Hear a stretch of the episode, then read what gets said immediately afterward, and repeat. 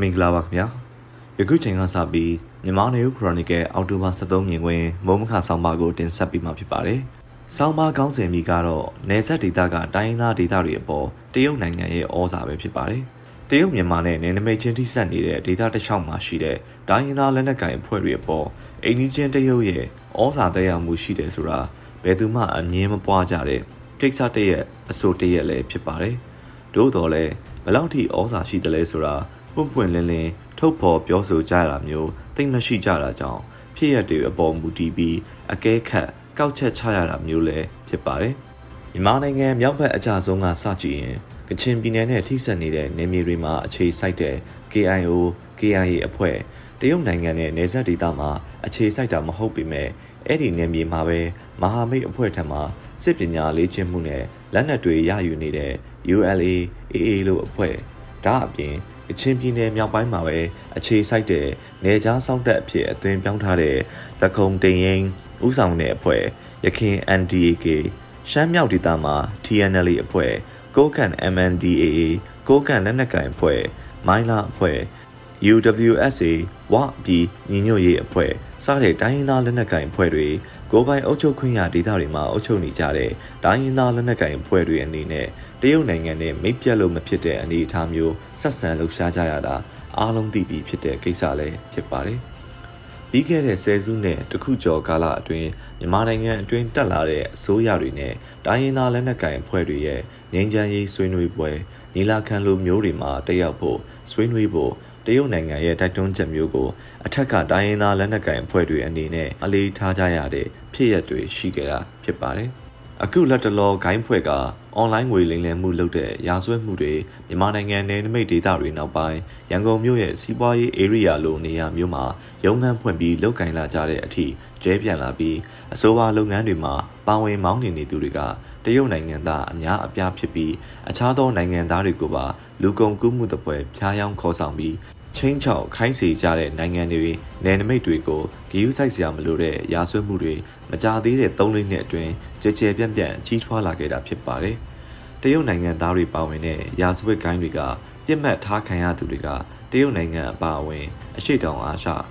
အရှိအာရှတင်မကတကဘာလုံးအတိုင်းအတာနဲ့ကျူးလွန်ကြတဲ့သဘောလဲဖြစ်လာပါတယ်။ဒီရာဇဝတ်ကိုင်းတွေမှာလဲပတ်နိုင်ကြဖို့ အွန်လိုင်းကိုကျွမ်းကျွမ်းကျင်ကျင်သုံးစွဲတတ်တဲ့ဝန်ထမ်းတွေကိုဖွံ့ဖြိုးဆဲနိုင်ငံတွေကနေဖျားယောင်းခေါ်ယူပြီးရောက်ရှိလာတဲ့အခါအလွယ်တကူပြန်ခွင့်မရတော့ပဲကြေးကျွန်တပွဲပိတ်လောင်ထားပြီးစိတ်ခိုင်းကြတာဖြစ်ပါတယ်။ဒီလိုနိုင်ငံဖြတ်ကျော်ရာဇဝတ်မှုတွေက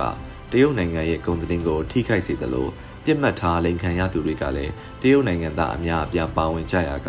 တရုတ်နိုင်ငံကဒီရာဇဝတ်ဂိုင်းတွေကိုနှိမ်နင်းဖို့ရခိုင်နှစ်ကတည်းကစတင်ကြိုးပမ်းလာခဲ့တာဖြစ်ပါတယ်။ တရားဥပဒေစိုးမိုးမှုစိုးရွားစွာကျဆင်းနေတဲ့မြန်မာနိုင်ငံလက်နက်ကင်အုပ်စုတွေစိုးမိုးထားကြပြီး၎င်းတို့ရဲ့ခွင့်ပြုချက်သို့မဟုတ်လက်ယူရှုခွင့်ရအောင်အခွန်အကောက်တနည်းစက်ကြေးပေးထားရင်လှုပ်ချင်တာလှုပ်ခွင့်လက်နက်ကင်အကအကွယ်ပေးတဲ့အခွင့်အရေးတွေရနေတာလည်းဖြစ်ပါတယ်။ယခုအခါမှာတော့တရုတ်နိုင်ငံကဒီရာဇဝတ်ကိုင်းတွေနှိမ်နင်းဖို့ကို၎င်းရဲ့ရှိသမျှရန်တရားအာဏာဩဇာလွှမ်းမိုးမှုအုံပြီးလှုပ်ဆောင်လာကြတာဖြစ်ပါတယ်။ မကြာခင်သတင်းပတ်တွေမှာတရုတ်နယ်စပ်ကတိုင်းရင်းသားလက်နက်ကိုင်ဒေသတွေကအွန်လိုင်းလိမ်လည်မှုဂိုင်းတွေနဲ့ဆက်ဆက်တယ်လို့တန်တရားရှိသူရာထောင်ကြီးဖမ်းဆီးကတရုတ်နိုင်ငံလက်ထဲလွှဲအပ်ပေးတာတွေဇက်တိုက်ကြားသိနေရတယ်လို့မြန်မာစစ်ကောင်စီအစိုးရကလည်းတိုင်းရင်းသားလက်နက်ကိုင်အဖွဲ့တွေအလားတူလိမ်လည်မှုဂိုင်းတွေနဲ့ပတ်သက်တဲ့တရုတ်နိုင်ငံသားတွေကိုဖမ်းဆီးပြီးတရုတ်နိုင်ငံထံလွှဲပြောင်းပေးအပ်ခဲ့ပါတယ်။ယခုနောက်ဆုံးတရုတ်နိုင်ငံကလှမ်းလိုက်တဲ့ခြေလှမ်းက ဝါပြည်ညီညွတ်ရေးတပ်မတော်ကအရာရှိနှစ်ဦးကိုတရုတ်နိုင်ငံကရာဇဝတ်မှုနဲ့အလိုရှိတဲ့တန်တရားတရားခံအဖြစ်ဝရမ်းထုတ်လိုက်တာဖြစ်ပါတယ်။ဝါပြည်ဆောက်လုပ်ရေးဌာနကြီးမှပေါက်အိုက်ပန်းနဲ့မိုင်လင်းခရိုင်အုပ်ချုပ်ရေးမှအိုက်ဟော့တို့နှစ်ဦးကိုအွန်လိုင်းငွေလိမ်လုပ်ငန်းတွေနဲ့ပတ်သက်တယ်လို့တရုတ်နိုင်ငံကစုံစမ်းတွေ့ရှိပြီးတရားခံအဖြစ်ဖမ်းဆီးဖို့စုငွေထုတ်လိုက်တာလည်းဖြစ်ပါတယ်။ မကြာသေးခင်ကကိုကန့်ကိုပိုင်အုပ်ချုပ်ခွင့်ဒေသကလုပ်ငန်းရှင်၁၁ဦးကိုတရုတ်နိုင်ငံထဲကအကုံစီပြပွဲတစ်ခုကိုတက်ရောက်စဉ်ဖမ်းဆီးခဲ့ပြီးယခုဝါပြည်ကအုပ်ချုပ်ရေးအရာရှိတွေဝါပြည်မှာဩဇာအာဏာရှိဆုံးသူနဲ့ဆွေမျိုးတော်ဆက်သူလည်းဖြစ်သူတွေကိုဖမ်းဆီးဖို့ဝန်ထမ်းထုတ်လိုက်တာပါ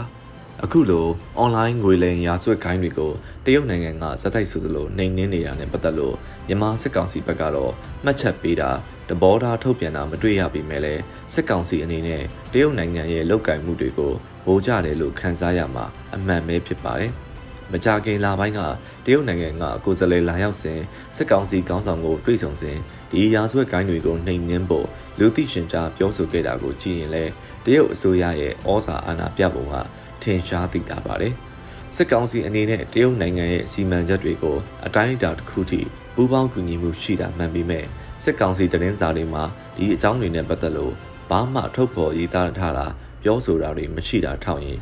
တရုတ်ကအရေးတကြီးထားတဲ့ကိစ္စတွေကိုဒီလောက်အရေးမကြီးတဲ့အသွင်မြင်တွေ့ရပါတယ်။ စစ်ကောင်စီအနေနဲ့ရုရှားကိုအောက်ချုပ်ဆက်ဆံလို့ပြီးမဲ့တရုတ်နိုင်ငံကိုတော့ပြစ်ပယ်လို့မရဘူးဆိုတာလက်ခံပြီးမဲ့ဒီလောက်ထိအောက်ကျနောက်ကျဆက်ဆံဖို့မလိုဘူးလို့ယူဆထားပုံလဲရတာတွေ့နေရတာဖြစ်ပါတယ်ခင်ဗျာ။